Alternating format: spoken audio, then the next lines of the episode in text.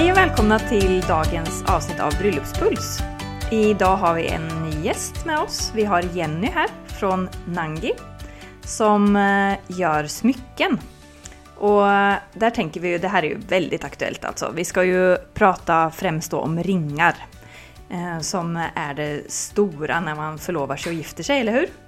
Så eh, vi ska höra lite med henne bakgrunden till företaget, för det är väldigt spännande det. Och sen eh, lite mer konkret liksom, om ringar. Eh, hur ska man tänka? Vad finns det där ute? Hur, gjør hur gör man om man vill göra sin egen ring och så vidare. Så eh, välkommen Jenny! Tusen takk, Emma. Ja. Um, men det första, alltså lite bakgrund, eh, Nangi, dels alltså namnet tänker jag. Eh, och sen att ni, alltså ni är ju inte ett fullt norskt eh, företag. Kan man, alltså ni har ju en hel del eh, med Sri Lanka å gjøre, eller hur? Det stemmer. Eh, Vi er sånn sett et norsketablert selskap. eh, Og Nangi er navnet. Det er helt riktig. Nangi Fine Jewelry. Eh, Og Nangi betyr faktisk lillesøster på eh, singalesisk, som er et av språkene som snakkes på Sri Lanka. Og hele storyen bak egentlig navnet er jo at mannen min sin familie er fra Sri Lanka, og vi har reist der i årevis. Jeg giftet meg der for fem år siden. Eh, og Sri Lanka er på en måte kjent som å være liksom the island of jewels. Eh, Dianas forlovelsesring var en nydelig blå safir, hvis noen har sett The Crown. Den var fra Sri Lanka. Så Sri Lanka er på en måte liksom et mekka innenfor gemologi, og da liksom spesielt fargede edelstener. Eh, nei, og det er veldig mange som ikke kjenner til det, men det er, hvis du først dykker ned i bransjen, så er det liksom Sri Lanka som sted å være, da. Eh, så litt sånn over til liksom hvordan det startet med Nangi, var jo liksom at vi var der som sagt masse på reise, og jeg har alltid elsket smykker, men jeg hadde ikke noe plan om at jeg skulle jobbe med det. Men alltid digget og gikk rundt og så i butikkvinduer på Sri Lanka. Men tingen de smykkene de har der nede, er liksom veldig hvordan skal man forklare det? Litt sånn tante. Det er liksom litt voldsomt. Vakre stener med veldig sånn voldsomme, intrikate design. Og eh, alle vennene våre der nede, enten er de gymologer, eller så jobber de i gruver, er, eller oi, hva er en gymolog? ja, Det er en som eh, har kjennskap og kan masse om edelstener. Oh, er det det? Så det er liksom de som sertifiserer og graderer diamanter, Ja, sånn, ja. og så det er på en måte De kan det meste. Ja, sånn, ja, ok. Så mange som jobber der nede, de er ikke designere, eller de lager litt tantete, mens ellers så jobber de med Ja, altså det du kan si med Sri Lanka, er jo at, at eh, edelstener er på en måte en av de viktigste inntekts... eh, hva skal man si, strømmene deres utover turisme. da. Så på en måte det, dette med safir er liksom bare en, en helt del av kulturen. Så det er jo sånn, og det er veldig familiebasert. sånn at de vennene vi har der nede, enten da er det på en måte pappaen og bestefaren, og alle har jobbet i enten gruver eller på en måte i bransjen eller i gullsmeder. Så det er på en måte et helt annet fokus på det da, og kjennskap til det. Ehm, og tanken rundt Nangi var jo litt at eh, jeg var der nede som sagt mye, og så hadde jeg bare lyst til å lage noen smykker til meg selv. Jeg syntes det var så mye flotte ting. Og så fikk jeg liksom noen av vennene mine til å lage noen med noen grønne stener og blå stener. Og så sendte jeg noen bilder til noen venninner, og så var det plutselig noen de som Å, jeg kunne tenke meg med en rosa safir, og kan jeg få en gul? Og så gjorde jeg jo bare det, og tenkte liksom ikke så mye over det. Men etter hvert så ble det liksom etterspørsel etter andre venner, eller venners venner igjen. Ja. Og jeg har alltid digget å ta bilder, så det ble liksom til at jeg laget en Instagram den sommeren der for seks år siden. Og i starten så var det jo sikkert bare disse stakkars vennene mine som følte at de måtte, måtte kjøpe smykker av oss. Eh, men, eh, men etter hvert så plutselig kom eh, ja, Emma, eller helt random folk da, som jeg ikke kjente til, som, eh, som kjøpte smykker. Så det var sinnssykt gøy, og så vokste det bare derfra. Men for å holde fokuset på spørsmålet ditt, eh, så betyr Nangi det som sagt lillesøster, for tanken var jo at vi ville gi noe tilbake til Sri Lanka. Og det som er med Nangi, at det er liksom en veldig hyggelig måte hvis du treffer en jente som er yngre enn deg, så istedenfor å si liksom Emma, så vil du bare si hei, Nangi, kan du sende meg den kaffen, eller Det er en liksom kjærlig måte å omtale en yngre jente på, da. Okay. Eh, og det var også liksom tanken for det Danuka, altså mannen min sin bestemor, hun har alltid jobbet på et barnehjem for hjemløse jenter. Eh, og da var liksom hele grunntanken at vi hadde lyst til å gi tilbake til det barnehjemmet. da, Støtte våre lillesøstre på Sri Lanka. På hvilken måte gjør firmaet det i dag? I dag så donerer vi 5% av eh, alle inntektene våre til barnehjemmet. Så nå kom jeg faktisk akkurat tilbake fra Sri Lanka, vi har vært der en måned nå. Og vært og besøkt barnehjem og snakket med dem om hva de trenger. Eh, så vi gjør det ikke sånn at vi donerer liksom en bok per ring. Vi støtter de faktisk med driften av barnehjemmet. Eh, det er ansatte som trenger De har f.eks. masse problemer med power cuts, så da skal vi hjelpe dem med en generator. Ja. Så det er på en måte ulike ting eh, ja, som vi bistår med der, da. Och da er det, det er du og din mann som står bakom? Ja, så det er jo Danuka som startet dette her. Og nå er vi jo blitt et uh, litt større team. Men uh, det var opprinnelig Vito som skulle starte det. For det var liksom også litt tanken å merge da liksom Sri Lanka og Norge, det nordiske, med det fargerike i Østen. Da. det har du virkelig fått til. Det var hyggelig å høre. For det, på den tiden, da, eller for seks år siden, så var det jo ingen som hadde farger i stener. Det var hvitt gull, og det var diamanter. Og det var det du så alle steder.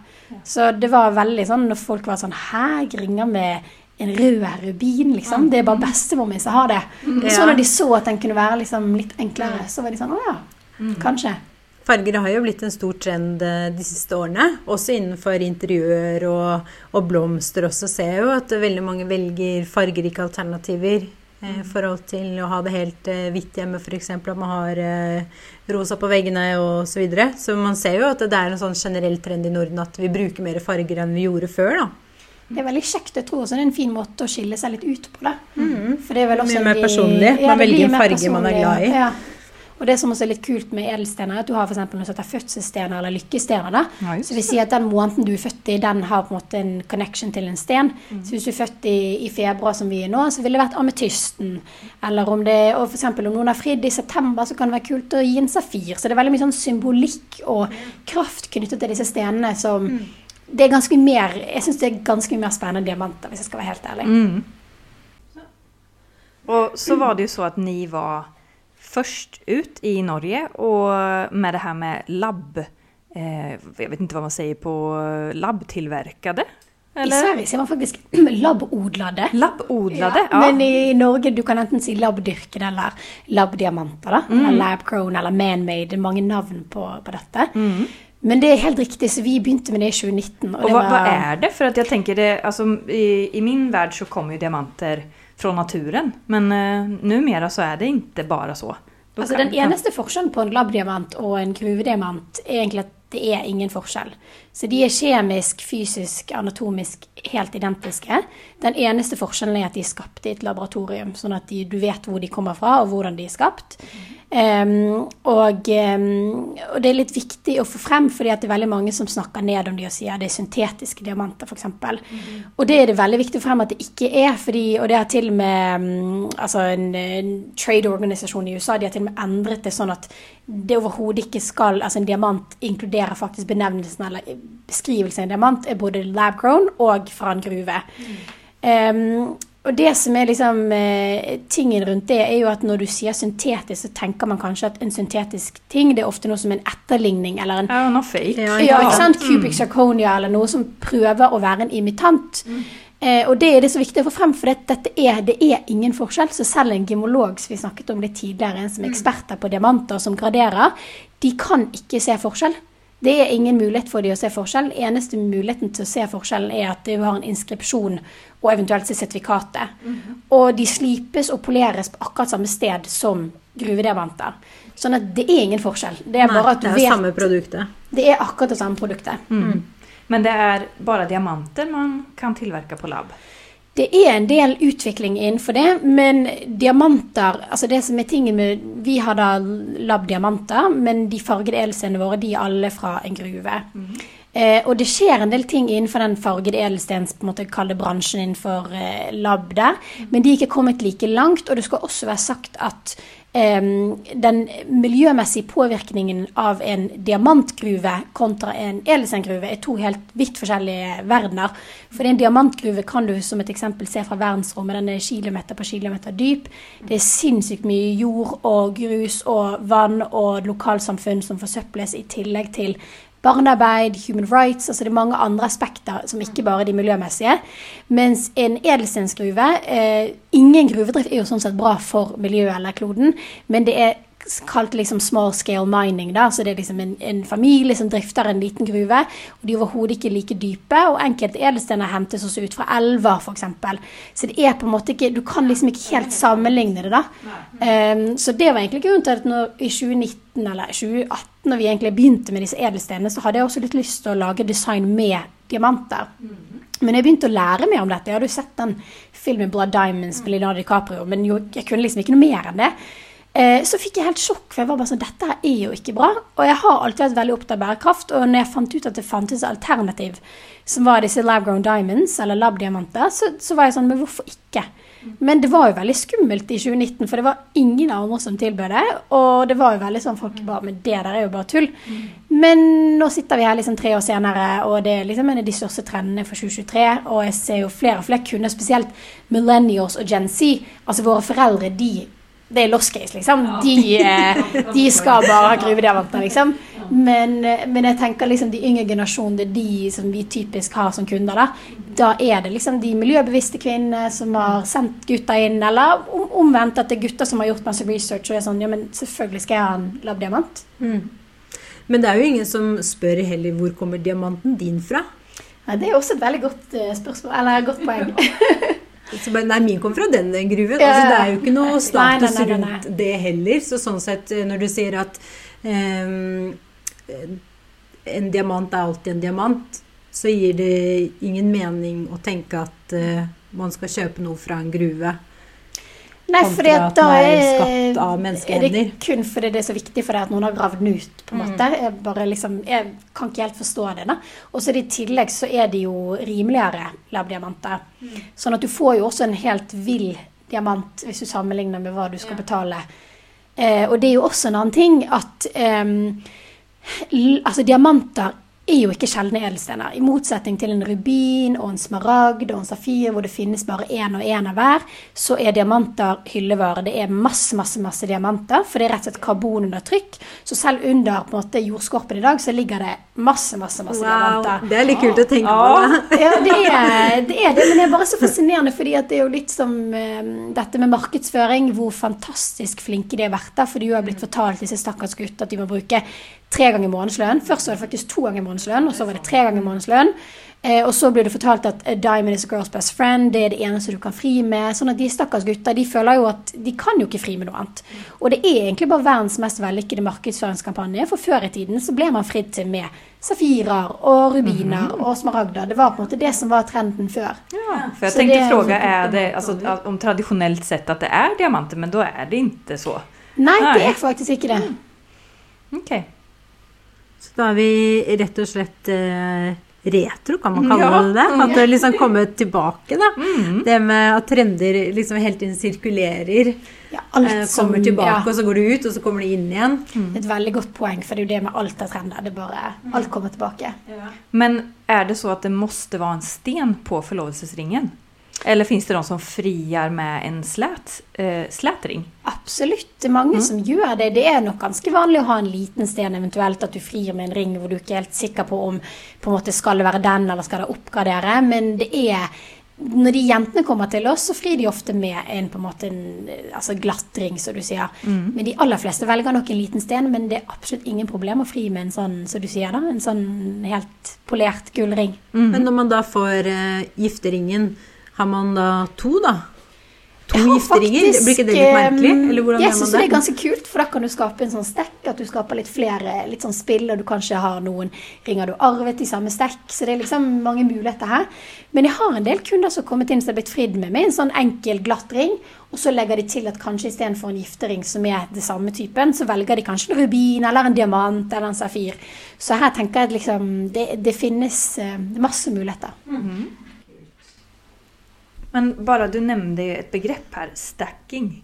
Det är ju, alltså innan du kom inn i det her rommet så var det jag har aldrig, Hva er det? Ja, hva er det?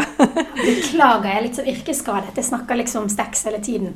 Men, stacks mm, hele tiden? Ja, jeg, jeg har liksom prøvd å oversette det til norsk, men det, det funker liksom ikke like bra med en sånn ringstabel. eller jeg vet liksom ikke hva annet man kan Nei, si. det låter ikke like Men prinsippet, prinsippet er jo bare at istedenfor at du har én ring, så har du kanskje flere ringer satt sammen i da en stekk. Og det å skape en ring stack som vi typisk snakker om, er jo på en måte å skape noe personlig. fordi at én ring kan jo kanskje andre ha lik som deg, men om du setter den sammen med noe du har arvet, eller en giftering, eller en forlovelsesring og giftering sammen, er jo en veldig sånn trend nå. Mm. At du setter de to sammen istedenfor hver finger. Så det er veldig kort fortalt det en stack er, da. Mm. Okay. Så flere ringer på én finger. Ja. Makes a stack. Og det er litt sånn designfilosofien vår, da. At vi skaper ringer som passer sammen. Mm. Eller passer selvfølgelig med andre ringer, men vi har liksom snaketails og ting som har en Litt vanskelig å forklare, men det ringer med en åpning som gjør at det er perfekt hvis du har en ring med f.eks. lav fatning, som sitter lavt og tett på fingeren. Så det er ofte at stenen, stenen sitter lågt? Ja, så hvis du mm. har en ring, så ser du på en måte på profilen, dvs. Si liksom, eh, hva skal man si, ja. kanten på profilen, eller mm, siden av ringen. Mm. Så kan du se enten sitter den høyt opp, sånn at den på en måte står høyt opp. Da er det ofte lett å stekke, så du har en annen ring inntil den. Men hvis du har en lav profil eller en lav fatning, sånn at ringen sitter tett på fingeren, som er veldig praktisk når du skal ut og gjøre ting og bruke hendene, så kan det være greit, eller det kan, det kan også faktisk være vanskelig å finne ringer som stekker eller som passer bra til. Og Da har vi f.eks. en sånn snake en sånn åpning som gjør at du på en måte får plass til ringen og stenen i åpningen. Men er det noe som er eh, typisk for deres ringer? At dere tenker hele tiden stacking når dere designer? Det tror jeg absolutt, eh, absolutt at det er. Så det var liksom noe av det jeg syntes var vakrest i starten. Jeg startet med at det var så gøy å kunne, kunne kombinere en rosa med en rød med en gul. Mm. Og så har du på en måte ulik symbolikk og mening rundt de ulike ringene. Men at de istedenfor å investere i én ring, så investerer du i tre, da, f.eks. Det hørtes veldig fint ut, og, og litt dyrt ut òg, da. Ja, men det kommer, ja, det kommer an på. Men uh, det er jo gull og edelstener. Det er dyrt, men det er en investering, ikke sant. Og det er ja. det når man som, har hele livet? Ja, og ikke nødvendigvis ditt liv, bare kanskje dine mm. barns liv. Igjen, som jeg nevnte tidligere, at jeg har jo arvet masse ringer av mine besteforeldre og oldeforeldre. Og det er jo liksom noe med å tenke at, eh, at det faktisk kan vare videre, eller gå videre. Og så trenger man ikke kjøpe alle på en gang. Man kan planlegge. Litt som du i forhold til giftering og forlovelsesring. At uh, man får den ene først, den andre etterpå. Noen tenker at man må ta av forlovelsesringen og så ha giftering istedenfor.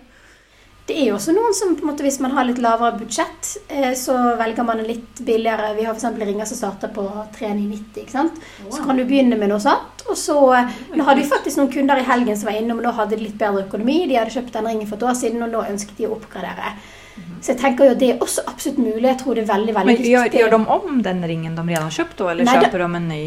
Det kan også være en mulighet at man kan gjøre den om, mm. men i dette tilfellet så var det faktisk en ring som de hadde kjøpt som lå liksom inn, Den lå pakket og klart, men de hadde ikke åpnet den eller brukt den. Mm. Og da tok vi imot den tilbake og oppgraderte den. Mm. Så, og så har vi ellers 90 dagers åpent kjøp, så du har jo sånn sett en del tid på deg.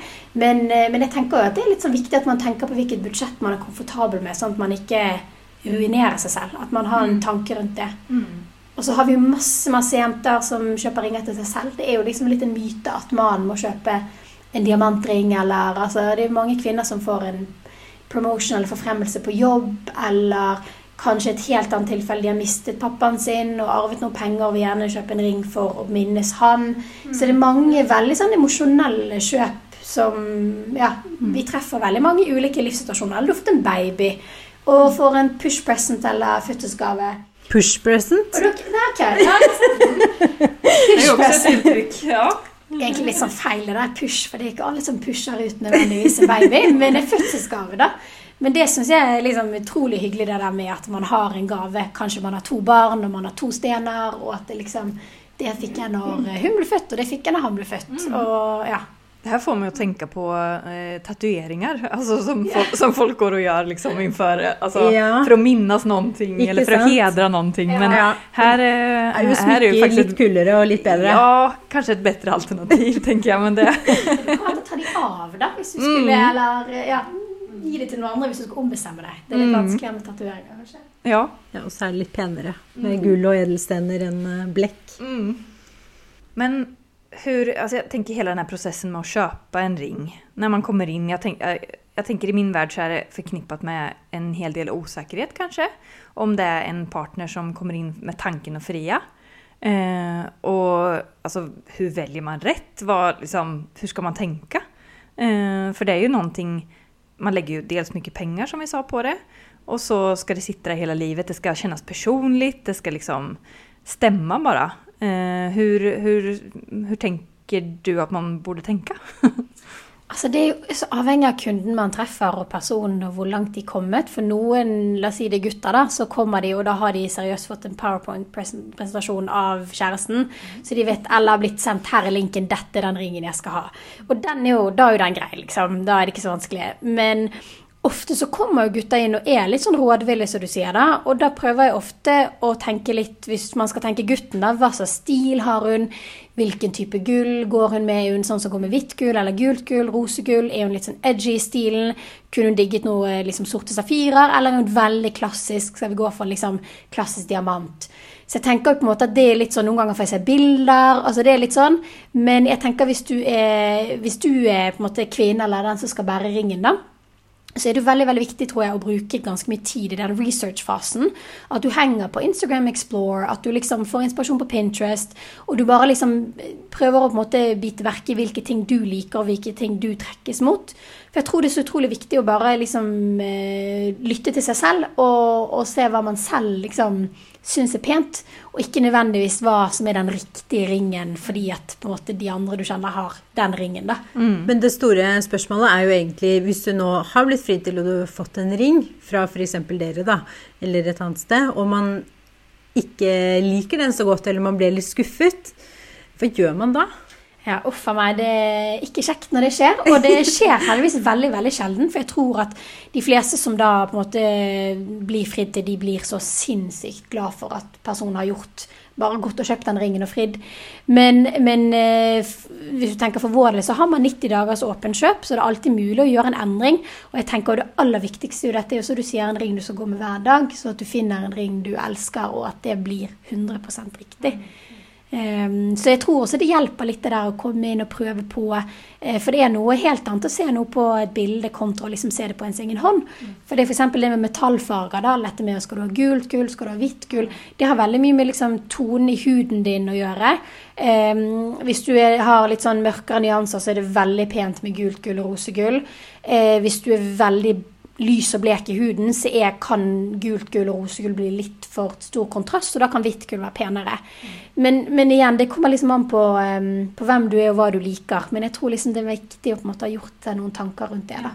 Men veileder du også guttene eller jentene omkring det? da, At uh, nå tar vi et valg som vi tror blir bra til henne eller til han, og så er det mulig å komme tilbake. At du liksom sier det, da, sånn at de føler Fordi det tenker jeg hvis kjæresten min hadde kjøpt noe til meg, at jeg ville vært redd for å si liksom at å nei, jeg kunne tenke meg rosegull da, istedenfor hvitt gull eller sånn. Mens hvis man, eh, som når man er veiledet i salgsprosessen, at eh, partneren selv sier også jeg vil at du skal være 100% fornøyd, det er mulig å bytte den.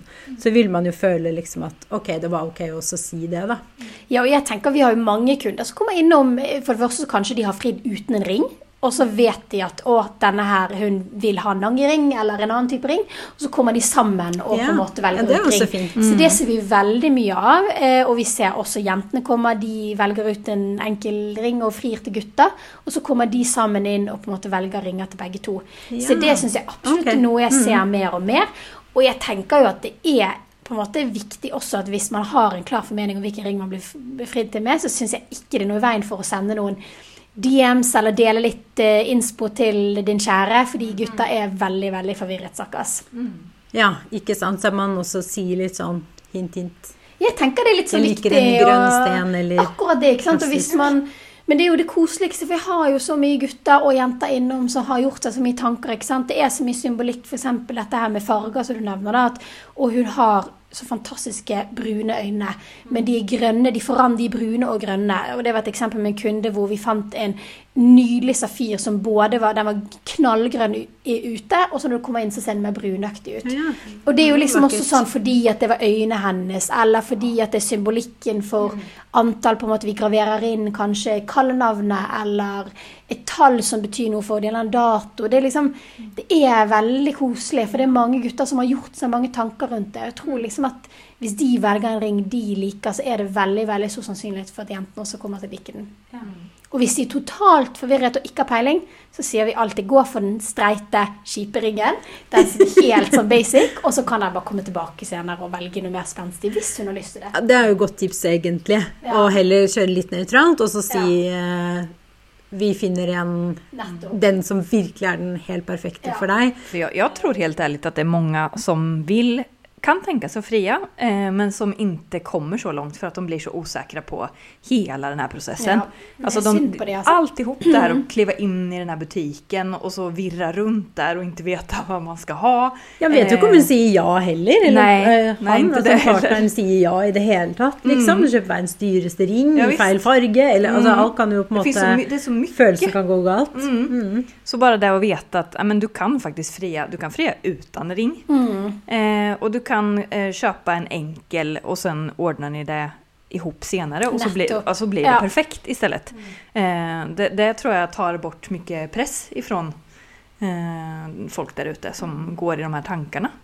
Jeg tenker jo Det er jo bare det koseligste spørsmålet å stille. Så jeg sier jo alltid liksom, gjør det. Bare hun kommer eller han kommer til å bli så sinnssykt glad, og så finner dere ut av resten senere. Og noe av det vi gjør mye, er sånn custom design eller sånn bespoke eller skreddersydd. ikke sant? Eller skreddersøm. Og da kan det godt tenkes at du blir fridd til med en helt enkel ring, og så kommer man sammen og designer. Eller så har han brukt tid på å designe. Men det liksom, det er mulig. Men jeg syns bare at man må ikke, man må ikke liksom skremmes bort fra det å fri, for det skal bare være en hyggelig ting. Og det er ikke nødvendig å bruke fire månedslønner på den ringen. Det er liksom spørsmålet du stiller, og det at du ønsker å, å stille det, som er det viktigste. Det er sant. Hvordan er det med inngravering? Inngraverer man eh, eh, forlovelsesringer også, eller er det mest vanlig for bryllupsring? Det vanligste er å inngravere i bryllupsring. Eh, men det kan Heter det man- bryllupsring? Giftering? Giftering, ja. Mm, Det var jeg som sa bryllupsring. Ja, da ble jeg litt sånn påvirket. så Ja. Men det er det absolutt vanligste. Men vi har mange som vil gravere forlovelsesringer også. Ja. Så det, men i det, det typisk det vanligste er jo at man graverer inn f.eks. dato for bryllupet. Og kanskje initialene, eller liksom J pluss M, eller J og M, eller bare navnet til den andre personen. Men jeg tipser ofte gutter om at det kan være lurt med den datoen, sånn at man husker når man eh, har anniversary. Skal man sjekke hvilken dag var det jeg skulle kjøpe Hvilken dag var det igjen? Ja, ikke sant? Men eh, kvinnan, eh, som kvinne så har man jo to ringer oftest da, efter at bryllupet bröllopet, efter bröllopet liksom. Ja. Men som man, eh, det är bara en ring.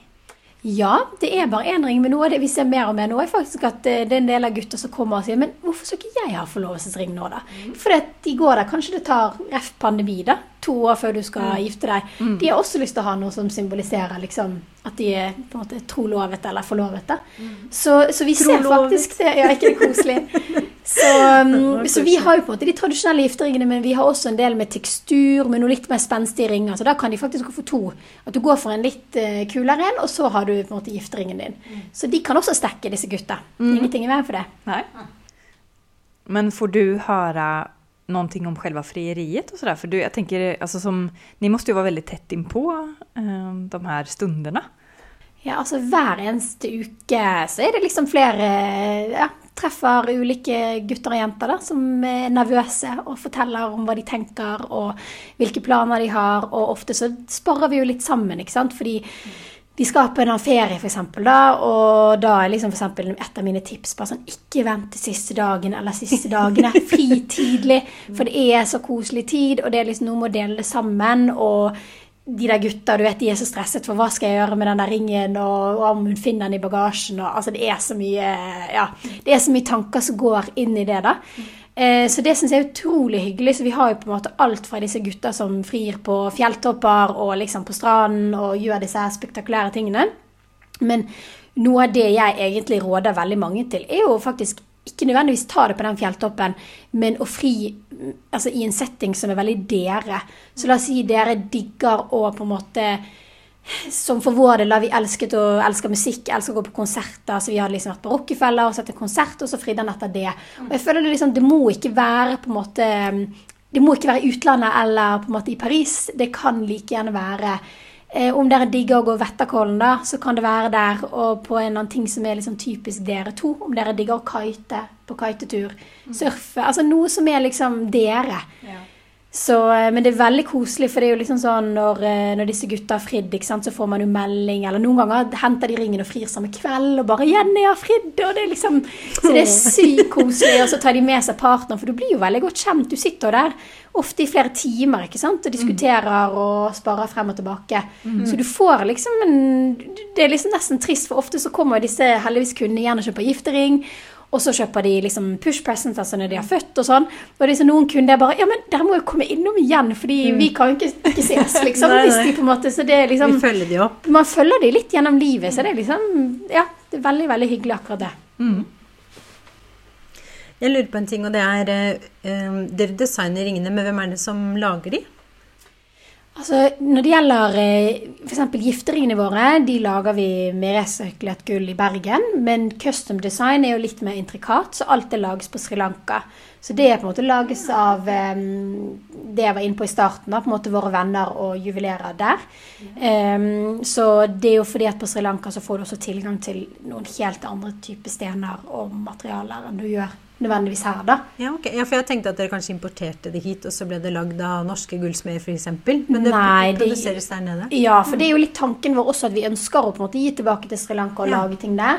Og, og en annen ting er jo at der har jo de jobbet med dette i mange mange generasjoner, så de er utrolig flinke til det de gjør.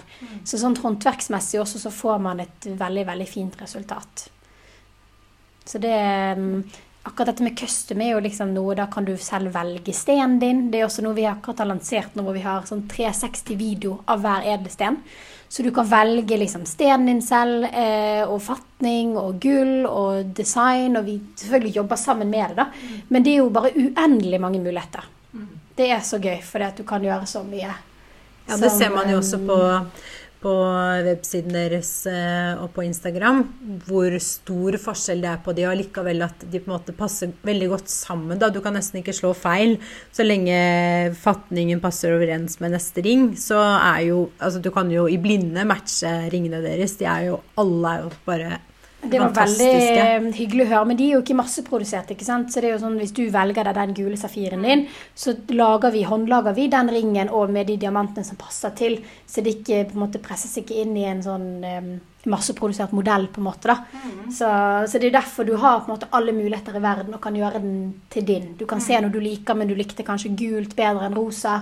Eller diamant foretrakk du, og så gjør vi det. Så du har på en måte alle muligheter. Og det er det jeg tror liksom folk ønsker litt nå. da, At du ønsker å skreddersy, skape noe som er ditt eget, og som ikke ingen andre har. Og det er det som er så gøy med disse fargede, spesielt fargede edelstenene. da, Det er jo bare at det er kun én av hver. Vi kan alltid prøve å få til, altså prøve å få tak i en som minner, men det vil aldri være en samme sten. Mens med diamanter så finnes det jo veldig, veldig mange av hver diamant. Men hvordan eh, kommer det farge inn i stenen i forhold til diamanter som er helt blanke? Hva, hva det, hvor kommer den grønne fargen fra, eller? Altså Det er jo det grønne farget. Dette blir jo fra sten til sten, da, men det kommer typisk fra jern. Men det er jo på en måte en edelsten er jo en sten som har ligget i jordskorpen i altså, altfor altfor mange år, skulle jeg si. Og som hentes ut. Og det mest fascinerende er jo at stenene ser jo altså Vi har lagt ut litt av det på Instagram, men altså hvis du ser en sten som er in the rough, da, så dette som er rå, så er den jo helt liksom upolert. Det ser jo nesten ut som bare en sten som har farge. Og så sliper du det, og det er jo slipingen som gjør at du virkelig får frem en farge i en sten. Um, så det er jo på en måte helt fascinerende. Og det, det er et eget håndverk i seg selv. De sitter jo på Sri Lanka når jeg var der nå, for hånd og holder disse her på en måte Det ser jo bare ut som stener som de holder foran en slipemaskin. ikke sant? Og så har de den sinnssyke presisjonen og klarer å slipe de ulike fasettene som er på en måte de ulike kantene på en stener. Så det er faktisk mennesker, personer som sitter Ja, ja, ja, for hand og, det og sliper? det- det er jo helt utrolig. Så faktisk fargedelelse, den bransjen der, det er som på en måte tilbake på 1800-tallet. Det er veldig sånn Veldig liksom Alt er håndarbeid, da. Mens eh, diamantene der typisk eh, slipes det ved hjelp av maskiner, da. Så det er på en måte mye proffere. Men akkurat med edelstener, det har en veldig sjarme. Så det er jo også det som er så gøy at um, edelstener har jo Det er jo det som er liksom, De har litt mer personligheter for mange. De har noe som heter inklusjoner, som er liksom ulike urenheter, kall det det. da. Men det er jo også det jeg syns gjør de spennende. ikke sant? Noen har kanskje litt grønt og gult og oransje i seg. ikke sant? Så det er liksom det er så mye mer til det. ja. Ja. for det, jeg personlig tycker att det, når när jag har sett, så tycker jag det är det som är fint då, det som tilltalar mig är när de är lite mer, når när de ändrar lite färg och sådär. Ja. Men egentligen så är det en orenhet alltså. Nei, det blir faktisk ikke helt riktig en urenhet, men det er jo det at de kan være, for eksempel, være flerfarget. da. Men det er jo i bunn og grunn på en måte kall en urenhet som gjør at de har ulike måte eh, ulike fremstillinger. Men det er jo også det som er så fascinerende, at lys har veldig mye å si. Sånn at når vi sitter her inne, så vil edelstenene se på en måte én type farge ut, og så tar du de ut i dagslys, og så bare popper de 'wow, den var blå', eller 'wow, den var grønn'. Så det er på en måte, det har veldig mye med lys også å gjøre. Ja, for de reflekterer lyset. Også fargen i lyset Riktig. Så hvis du skal handle en edelsten eller kjøpe en ring med en edelsten, så anbefaler jeg å handle den på en måte på dagtid, når det er liksom dagslys ute. Det er veldig vanskelig å komme, i hvert fall i Norge, da når solen er gått ned, og virkelig se fargen i en sten. da. Eller så blir du positivt overrasket når du kommer ut, for de er alltid vakrere enn du tenker. Er det mange som kommer inn til dere og spør liksom hvilken hand ska man ha på?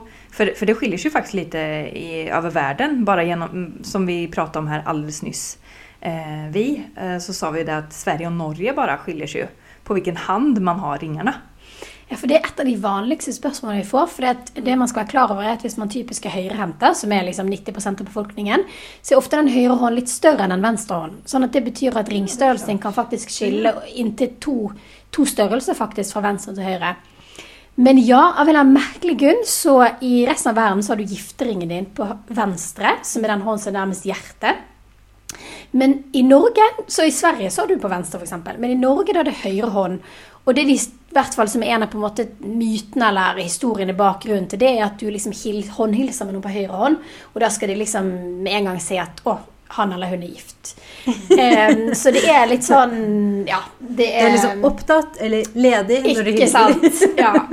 Så det er jo, akkurat det der er jo litt morsomt. Men jeg sier liksom ofte kundene fordi det er noen som kommer inn og har kanskje en ring de alltid har gått med på høyre, og det føles riktig å ha det på venstre, så tenker jeg at det er liksom viktig at man tenker litt etter hvor man selv føler seg komfortabel. Man må liksom ikke føle dette her slavisk. Og en positiv ting med å ha ting på venstre, er jo at den er mindre utsatt for slag og slitasje kontra høyre hånd, da, så du bruker, bruker mer.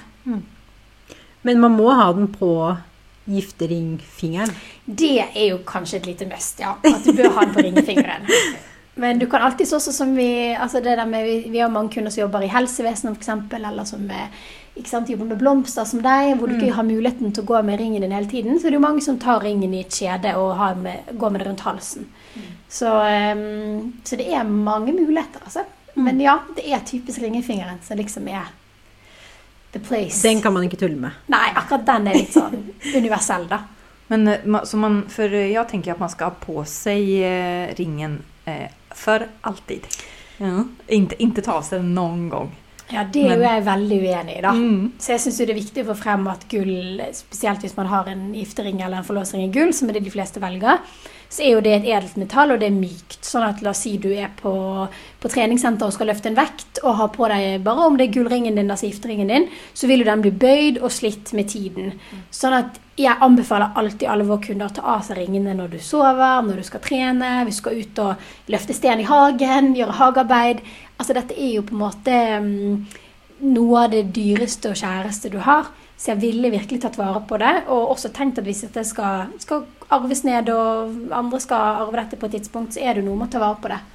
Jeg tror jeg hadde vært redd for at jeg skulle miste den ja, da, hvis jeg tok den av meg hele tiden. Ja, det er veldig mange som er så Eh, det. når du skal det, trene eller et Ja. plutselig så kommer du hjem uten, uten ring, og så, og så er den så unik. Du kan liksom aldri erstatte, erstatte den ringen, da. Nei, det er, jo, det er jo eh, en tanke, det. Men altså, jeg tenker jo for min del, jeg har liksom et fast sted jeg legger meg. Der legger jeg alltid ringene mine.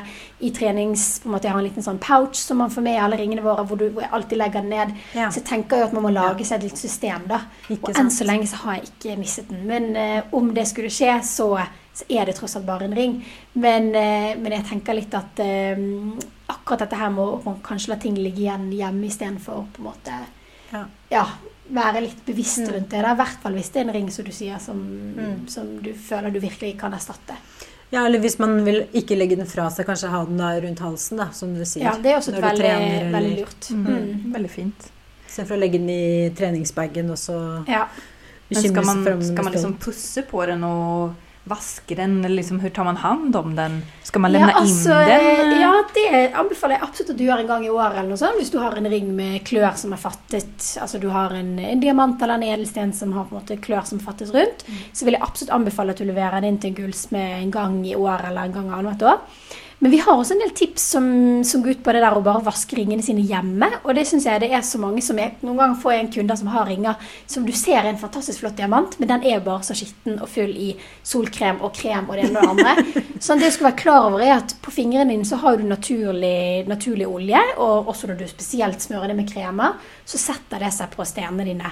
Um, og det er på en måte en ting Når jeg smører meg, så tar jeg alltid av meg kremer, og så smører jeg meg. Men hvis du absolutt må ha disse ringene på, så er det også en idé at du, at du liksom legger de Jeg koker meg ofte en kopp kaffe, så har jeg en kaffekopp jeg alltid bruker på kjøkkenet samtidig. Så tar jeg oppi kokende vann, tar jeg oppi litt grønnsåpe og bitte litt salmiakk. Det er den sterke såpen som lukter litt mm. uh, sterkt. Og så lar jeg ringene ligge oppi der, og de blir helt fantastisk flotte etter det. Så det er liksom noe med å la gjøre litt sånn daglig rengjøring, da, eller ukentlig rengjøring, så blir de så fine. Men det hadde jeg aldri turt å prøve å putte ringene mine i salmiakk. Det var litt av et ja, ikke, ja, eh, ikke tips. ren salmiakk, lov meg det, men kanskje en liten liten dash, da, for det løser opp Det er det olje og beste fett. fetteavløsende middelet vi har. ja, det, er, ja, det kjenner sikkert du til. Altså. Men skal ja. man gå på og, altså med en eh, tannborste eller noen ting og knugge? Jeg anbefaler liksom ofte hvis man har en gammel tannbørste som er litt myk, og så hvis du har på en måte klør som, hvor du ser du kan komme litt til, så er det kjempe, kjempebra hvis du har, bruker den tannbørsten og liksom skrubber forsiktig under. Eh, og så når du kjøper ringer for oss, og det gjør du sikkert fra andre steder òg, så får du med en pusseklut. Og det er liksom noe å pusse. Og prøve å tenke at man, når man tar av seg ringer, så prøver man å ikke ta på stenen når man tar av ringen, men at man tar på selve ringskinnen. Ja. For det er liksom noe med å ikke, ja, ikke liksom eh, ikke drive og liksom ta masse på den, for da skinner den ikke like fint som, som den kan, da. Mm. det er viktig at den gjør. Ja. At den virkelig viser seg fra sin beste side. Ja, jeg side. tenker det er viktig, og det er så når folk begynner å gjøre det og få det inn i rutinene, så syns de bare gud, dette er jo så enkelt. Men eh, ja. Ja, Det er noe med å ha kunnskapen og at man er sikker på at man gjør det riktig, så man Ja. ikke sliter på stenen. Ja. Fordi for hard eh, såpe eller sånne ting vil jo kanskje gjøre den matt istedenfor, ikke sant? Så ja, og det, det er jo det det er ikke alle edelstener, f.eks. perler, da, som et eksempel, de tåler ikke en del ting. ikke sant? De skal du helst ikke vaske hendene med, fordi det er også limet fast. Og de jeg vet ikke om dere har sett gamle perlesmykker, men de på en måte blir veldig kan bli veldig stygge. da, så Det er på en måte, det er noen unntak her, opaler også. Men med de aller fleste stener, safirer, diamanter, rubiner, disse stenene, så tåler de dette. Og, og med ikke noe annet da, bare varmt såpevann med litt Zalo. Det kan være mer enn godt nok. Um, så, og så er det også en ting å tenke på når vi snakker litt om det med forlovelsesring, så er det litt sånn hvilken hardhet på sten man velger, fordi det finnes jo masse vakre edelstener. Men det som er så flott med både diamant og rubin og safir, er jo liksom at de er så harde. Og det er også noe å tenke på f.eks. smaragden, som er denne Kleopatras nydelige grønne sten, hvis jeg kjenner til den. Den har ma mange inklusjoner, den er veldig porøs. Sånn at det er ikke en optimal ring til en forlovelsesring nødvendigvis. Det er en superkul statement-ring og en flott, flott ring. Og hvis du absolutt vil ha den i forlovelsesring, så er det selvfølgelig mulig, men da må du tenke litt på hvordan den fattes, og at du kanskje at du i hvert fall tar den av deg når du gjør ting. Så det er liksom bare å være litt bevisst på hvilken sten du har, og hvilket design, og, og tenke litt på det når du, når du bruker smykkene dine. Veldig nyttige tips, da. Jeg lærer masse selv. Ja, Tror jeg må ut og kjøpe meg dyre, fine ringer. Eller jeg, jeg vet hvem, hvem, jeg skal låte lyssna på det her avsnittet i alle fall. Min sambo. Mm. Og sende sånn, eh, sånn direkt DM. Ja. Hør på dette her. Mm. Um, hva med trend i forhold til farge, da? Er det noen spesiell farge som er mest populær av fargerike ringer? Altså For vår del så har det jo eh, Vi har noe sånn påfyllkolleksjon som er liksom peacock colors, med liksom disse udefinerbare grønne-blå nyansene. Og det er på en måte en veldig veldig populær farge og har vært det lenge for oss. Fordi at i Skandinavia, til skandinavisk hud, så er det en veldig pen Altså de fleste kler de fargene. Og så er de litt mer unike enn de klassiske blå. Men vi ser også noe mye champagne som kommer inn. Litt sånn dusrosa farger. Så det er gult er veldig populært. Så det er litt sånn Det skjer litt ting, altså, på fargefronten. Um, men det som også er litt gøy nå i 2023, er jo at um, nå har det jo vært veldig sånn populært med litt sånn tynne dainty-ringer, som er mye av det vi har hatt. Men vi ser jo nå at folk ønsker kanskje litt sånn tjukke mørkere gifteringer. Det går mot litt sånn bredere, chunky ting. Litt mer tekstur, litt sånn røffere, råere. Så det er kanskje liksom noe man ser kommer litt mer nå, da. Mm. Okay. Og da er det altså tekstur på selve eh, guldet da? Ja. At man kanskje banker det eller at man... Nettopp. Ja. Som giftering også, da. For eksempel at det er en av våre mest populære gifteringer. En giftering med tekstur som ser ut som sånne grener som er håndgravert inn i ringen. Eh, så det er liksom også at folk går litt sånn andre veier, men at det skal være litt sånn mer chunky nå. Mm. Bra det, tips. Ja, Og det ligger jo veldig liksom i vinden at man eh, ja, gjør sin grei, eh, var unik og Ja, ja, ja. Ha, ha, ja, klä seg på et sett som representerer seg en og så der. Så det, eh, det ligger jo veldig i tiden å ja, se ut sin ring og sette sin design og sin pregel på. Eh, jag ser jo virkelig at det her er, ja, at det ligger i tiden da. Jeg tror det, og det er liksom spesielt det der hvis du blir fridd til med en ring som på en måte ikke alle venninnene dine har, så ser jeg jo den der eh, gleden og stoltheten man ofte har. Jeg ser jo de jentene kommer inn, og de blir så Altså at han har ikke sant, enten laget eller valgt ut den, den ringen til meg. Det er liksom noe med det at man har gjort litt mer effort da, enn å bare gå innom nærmeste gullsmed og kjøpe hvitt gull og en diamant, og det var det. Så jeg ser jo litt det der du sier, ikke sant, at det er liksom noe med at vi ønsker å ja, uttrykke vår egen personlighet. da. Mm. Men nå når man har hørt alt det her, var, var kommer man i kontakt med Jeg tenker både på Instagram og rent fysisk. Hvor finnes butiken? Det var hyggelig å høre. Altså, vi er veldig aktive på Instagram. Der er det Nangi Fine Jewelry, kan jeg finne oss. Og ellers så har vi en nettbutikk. Nangi.store. Men hvis man holder til i Oslo eller nærheten av Oslo, så har vi et showroom i Bygdø allé. Så vi er åpent hver torsdag etter avtale. Og så reiser vi faktisk mye rundt både i, altså til Bergen, Trondheim, Stockholm, Kjøben, London. Nå skal vi til Barcelona, til Cannes, til Tyskland. Så det, det, vi er mye rundt, da, og da setter man opp private avtaler. Så vi har jo litt et annet konsept hvor det skal, måte, vi prøver å gi litt mer personlig opplevelse. da. Man kommer inn og får liksom den personlige servicen. Men er det sånn at dere annonserer at dere da skal f.eks. til London eller et eller annet, eller er det fordi noen har booket en avtale? Ja, Det kan være begge deler, men det er jo ofte at kunder har skrevet fra London, og så har, de, ja, har vi dialog med de, men ja, vi annonserer dette her på Insta typisk, da, og i nettbutikken. Mm. så ja, absolutt, det er liksom begge deler. Men det er veldig stas med kunder eh, fra hele verden, egentlig. Mm. Men da kan man altså boka tid og så komme inn eh, i butikken och, eh, kikke og få liksom guidning Nettopp. Ja, eller bare komme innom torsdager mellom 11 og 6. Ja. Så da har vi også åpent. Så da er det bare å komme innom, og det er veldig lav terskel. Ikke noe det er ingen, Selv om man booker tid, så er det ingenting eh, Man må overhodet ikke kjøpe. Det er helt fint å komme innom og bare titte. Er velkommen. fint å få med seg bare bara gå inn og liksom inspireres og få litt guidning og, og, hjelp. Det er akkurat det. Ja, og spesielt hvis man ønsker å bli fridd til. At man eh, tar en kikk og ser litt favoritter, og at man eh, prater litt. Og la oss si jeg har vært innom da, og, og liksom sett på ringene og vi har snakket sammen, og så kommer kjæresten etterpå, da. Du, det skjer faktisk Veldig. veldig ofte, og noen ganger kan det være år etter. Altså inntil to år etter, liksom nesten, hvor man Du, jeg hadde en Og da har vi heldigvis notater Ja, hvor vi har fra det møtet, da. Men ja, det er veldig vanlig, det, faktisk. Ja. Nei, men eh, det rekommenderer vi. Gå inn og titta. Vi sitter jo her med litt ringer framfor oss og kikker, og det, eh, det er verdt å, å, se dem i virkeligheten, for det skiljer seg en del fra eh, hva du ser på bild trots allt. Det er det. Det er veldig vanskelig, spesielt med sånn fargede å få Mm. frem liksom nyansene. For Mm. det, ja. Ja, en opplevelse i seg. Ja, De er jo fantastisk vakre på bildene, og så er de enda finere i virkeligheten. Så da kan dere tenke dere. Ja. Det var hyggelig å høre. Ja, men vi får takke eh, dig Jenny for at du ville ja, bjuda på eh, all denne informasjonen og tips og råd. Tusen takk for at jeg ble invitert. Det var Ja. veldig kjekt å snakke med dere. Ja, tack. Och vi hørs neste vi hørs. avsnitt. Ja. Hørs, hørs. ja. Ha det bra. Hei, hei.